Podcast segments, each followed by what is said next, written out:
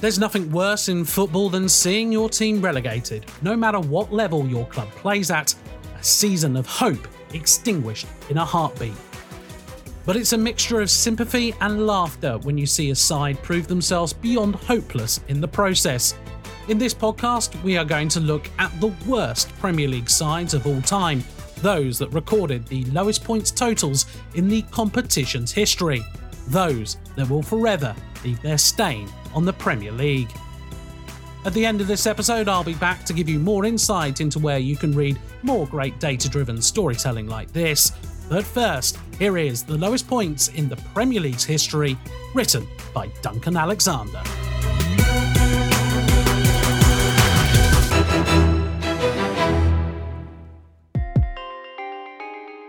The past few years have been fairly uncertain across the globe but I like to think there is at least one thing we can guarantee when it comes to the Premier League. No team, no team will ever beat Derby County's 11 point haul from the 2007 2008 campaign. Surely. It's a season so bad that it can be used as an adjective. Oh wow, your season is going a bit Derby 07 08, ain't it? When Sheffield United started the 2020 2021 Premier League season with two points from their first 17 games, there was a little bit of excitement as some panicked merchants wondered whether the Rams' record was under threat. But it's so hard to maintain such a level of professional depravity over 38 games.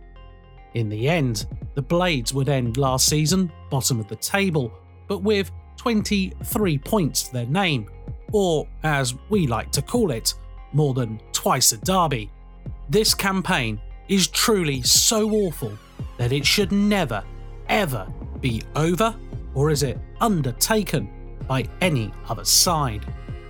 And it could have been very, very different. Derby were promoted to the Premier League by beating West Bromwich Albion 1 0 in the 2007 Championship playoff final.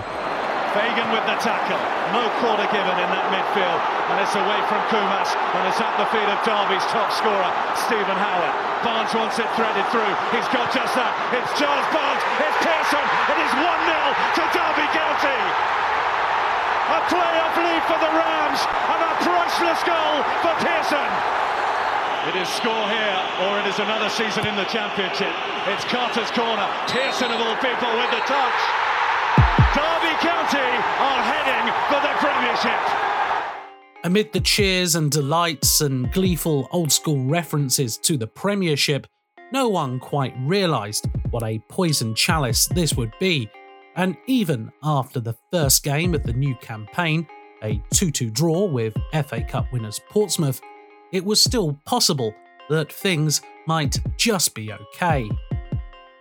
But Monday, September 17th, 2007, is a date infamous in Derby County fans' minds, as it was the only date in either 2007 or 2008 where they would win a Premier League game, coming at home to Newcastle. Even that joy couldn't be fully celebrated at home though, with Kenny Miller's goal being missed by the live television cameras as they were showing a replay at the time. But a win is a win, and Derby climbed up to 19th and followed up by taking two points from their next four games, with Miller again on the scoresheet, his second of the season. For the Rams, that was six points from 10 matches. So, not exactly brilliant, but over the course of a season, that would add up to 23 points. Oh, and in case you were wondering, Miller would go on to finish as Derby's top goalscorer that season with four. He also scored the most winning goals for them, too. But it was from here on, though, that everything got much, much worse. By late November, manager Billy Davies, the same Billy Davies who had led them to the promised land, had left to be replaced by Paul Jewell. What followed in the January transfer window was a classically eclectic mid 2000s spree with the likes of Danny Mills, Manuel Villa, Laurent Robert, Robbie Savage, Hossam Ghaly, Roy Carroll, and Alan Stubbs all signing up for the impending doom. In all, 36 players featured for Derby in the 2007 2008 season, with only two sides to have ever used more in a single Premier League campaign, with Fulham using 39 in the 2013 2014 season, whilst Middlesbrough saw 37 different players suit up in the 2005 2006 season. There was some brightness amongst the gloom, though. A 2 2 draw at Newcastle just before Christmas ensured that they, alongside Fulham, who could only pick up two draws themselves, would be the only sides not to beat Derby during the season. The second Fulham draw, a 2 2 effort in late March, was the result that guaranteed, in case anyone post October thought they had a chance anyway, Derby's demotion, which they celebrated by losing their final six games, a spell that saw them leak six goals to both Aston Villa and Arsenal. Emmanuel Adebayor scored hat tricks in both of Arsenal's games against Derby that season, another Premier League record. By the end of the season, the Rams finished with a run of 32 Premier League games without a win, with Jewell having collected just 5 points from 24 games in charge, with a record low 20 goals, a joint record 29 defeats, a top flight record low 11 points, and a Premier League club record of 89 goals conceded in a 38 game season. A final day 4 0 defeat to Reading, the last bitter pill to swallow. Well, Paul, the season's over. Is it good riddance to that campaign? Yeah, it's been a horrific time, isn't it, as far as the football club's been concerned, uh, football team's been concerned. Um, you'd ask them to try and show a bit of dignity on the last day of the season, but same old problems. Team's not good enough. Um, majority of them, if I may way, won't play for Derby again um, because that's just not acceptable. And I think supporters have said they're not fit to wear a shirt, and the large majority of them, do you know what, are not. Um, the sooner we can get players who've got a bit of passion, a bit of pride, and a bit of desire, and a bit of bit of balls, if you like, the sooner we can move up and, and start looking to, to improve the team. The club haven't returned to the Premier League since, though they have lost the Championship playoff final twice in 2014 and 2019 after avoiding relegation to League One on the last day of the 2020 2021 season. They are facing a seemingly more improbable task, Wayne Rooney managerial heroics aside, as they need to overcome a 21 point deduction to avoid dropping into the third tier. And if 21 points sounds like a lot, just think how it sounds to anyone involved in Derby's 2007 2008 campaign. You might as well call it a million.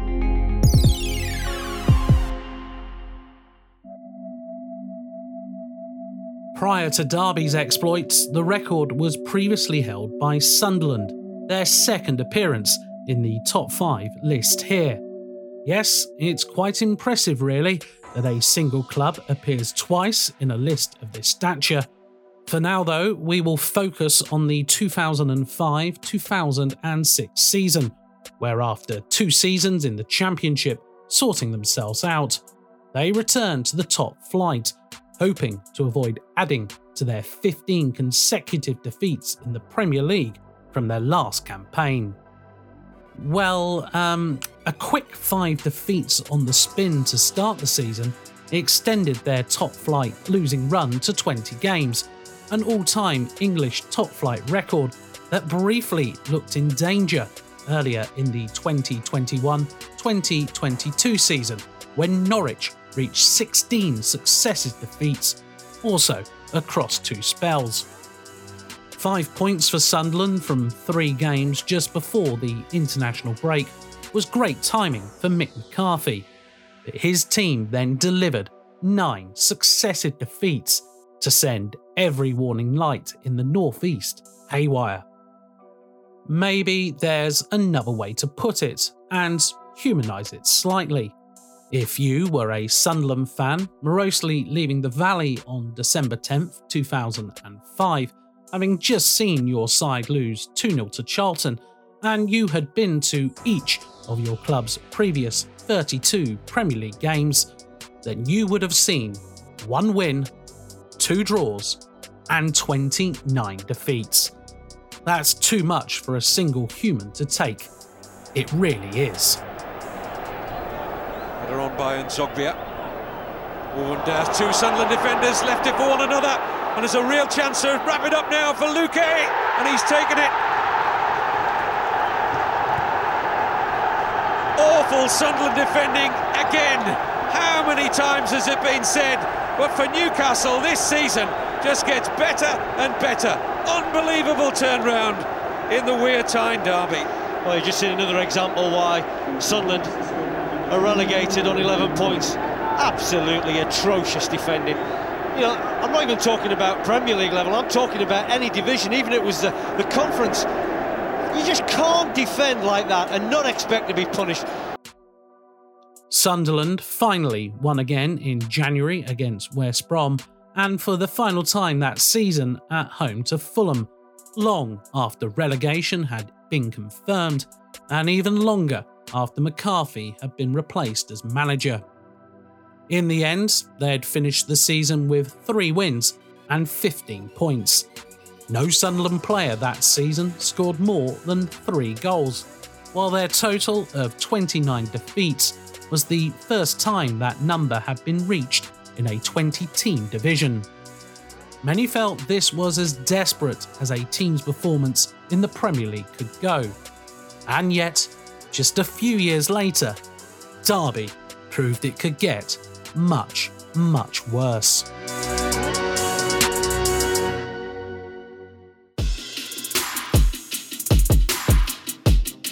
Like a doomed holiday romance, Huddersfield Town's spell in the Premier League probably should have been limited to a single season, and extending it to two only made everyone involved deeply unhappy. The Yorkshire side's promotion to the top flight in 2017, alongside Newcastle and Brighton, was surprising enough, especially once you knew that they hadn't ended a season with a positive goal difference since being back in the third tier in the 2011 2012 season. And there was absolutely no chance they were going to score more than they conceded in the Premier League, something they proved in the 2017 2018 season by scoring 28 goals in 38 games and yet finished 16th. It equalled a Premier League record for fewest goals by a non relegated side. And you don't need to be some sort of futurologist to predict that a certain affliction called second season syndrome was winging its way to Huddersfield.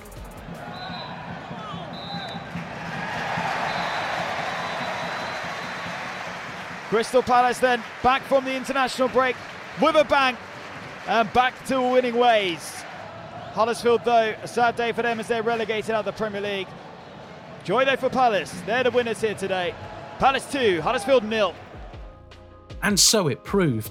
The 2018 2019 season saw Town collect just three wins all season, with two of those coming against Wolves, meaning almost 40% of the Terriers' points came against Wolves, and thus ended the domestication of animals debate once and for all.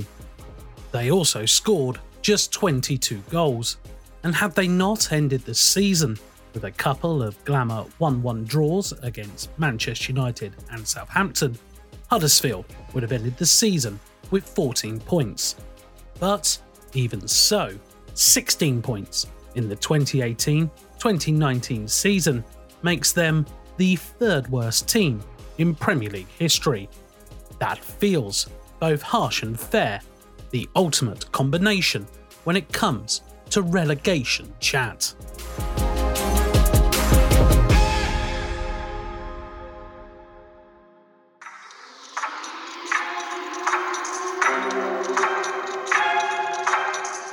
Now, Leicester City's improbable triumph takes much of the attention away from Aston Villa's disastrous 2015 2016 campaign.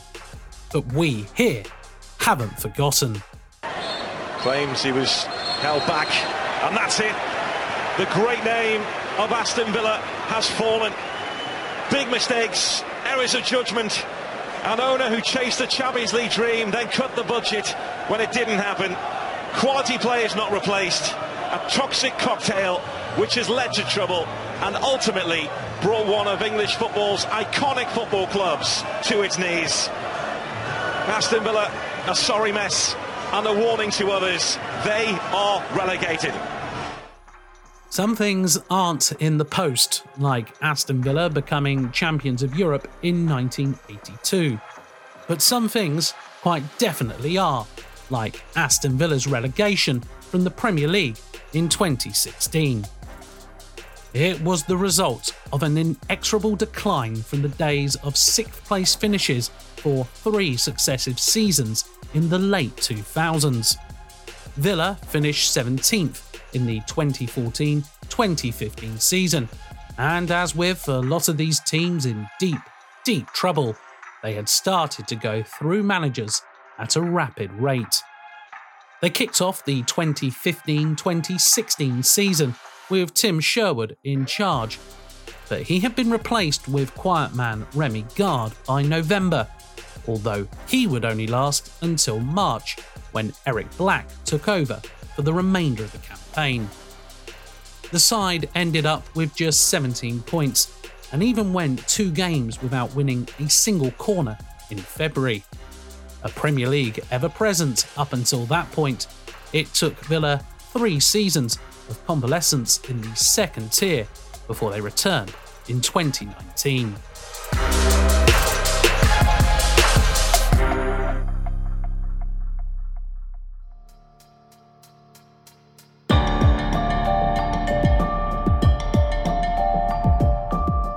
Before we dive into the side who sit fifth on the list, we technically have to bring up the 2009 2010 season. No one likes to see football decided in back offices and on fax machines, but Portsmouth's departure from the Premier League in 2010 became inevitable once they were handed a nine point penalty in March after going into administration. It was the initial culmination of a few seasons of economic madness that gave the club the sugary highs of an FA Cup win in 2008 and a 2 2 draw with the famous AC Milan under the tactical tutelage of Tony Adams. But it would all end with the club falling all the way down to the fourth tier within three years. But here's the kicker Portsmouth's actual results on the field in the 2009 2010 season should have seen them collect 27 points. Okay, they still would have finished bottom, but we don't believe this means they should be compared with the other teams in this article. By all means, are we interested in wild mismanagement? Yes, but really, it's wild mismanagement on the pitch.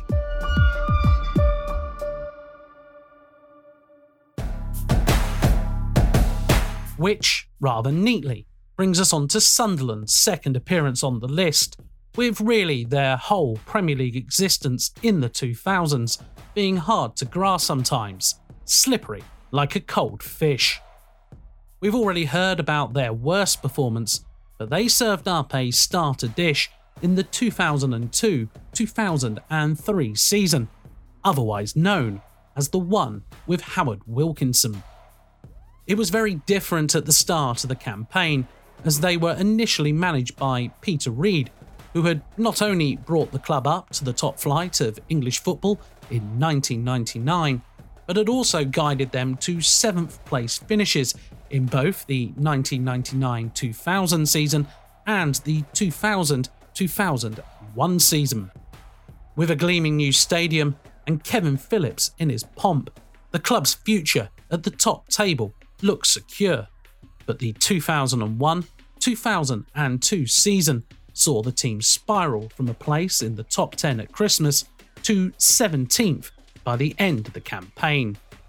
It meant that once the 2002 2003 season started similarly inconsistently, Reid was on borrowed time and was sacked in October during that most dangerous of times for managerial employment, the international break. The club's initial solution was to appoint former Leeds manager Howard Wilkinson, latterly employed by the FA as technical director. At the time, Wilkinson was the most recent English manager to win the English League title. And nearly 20 years later, that is still true, which in itself is a whole other discussion. But either way, it was soon clear that winning the top flight in the 1991 1992 season was no preparation for keeping Sunderland in the top flight 11 seasons later. They were relegated alongside West Ham and West Bromwich Albion. We doubt many Black Cats fans shuffled out of the Stadium of Light on January 11th, 2003, with much of a spring in their step, for they had just witnessed a fairly bleak goalless draw with Blackburn. But what they didn't know was that was to be their team's last point of the season. The 15 remaining games all ended in defeat, the last nine of them under yet another new manager, Mick McCarthy. The true nadir is hard to pinpoint, but perhaps the 3 1 home defeat to Charlton in February is a good choice, with all four goals in the game being scored by Black Cats players. Jensen to take. Oh, it's got it again! It's another own goal! Michael Proctor for a second time. Three own goals in the space of seven minutes. Proctor seemed to turn his back on the ball as it came in from Jensen's corner and wasn't actually looking at it as it struck him on the back and beat the hapless Sorensen. We've been playing for 33 minutes and already members of the crowd are leaving. That's right, the total of three own goals in a single match, unsurprisingly, is a Premier League record, which, surprisingly, has only been matched once since. And it must have something to do with Black Cats and their luck, as it was Sunderland again, this time against Southampton in 2014, including Santiago Vergini's spectacular finish in an 8 0 romp for the Saints.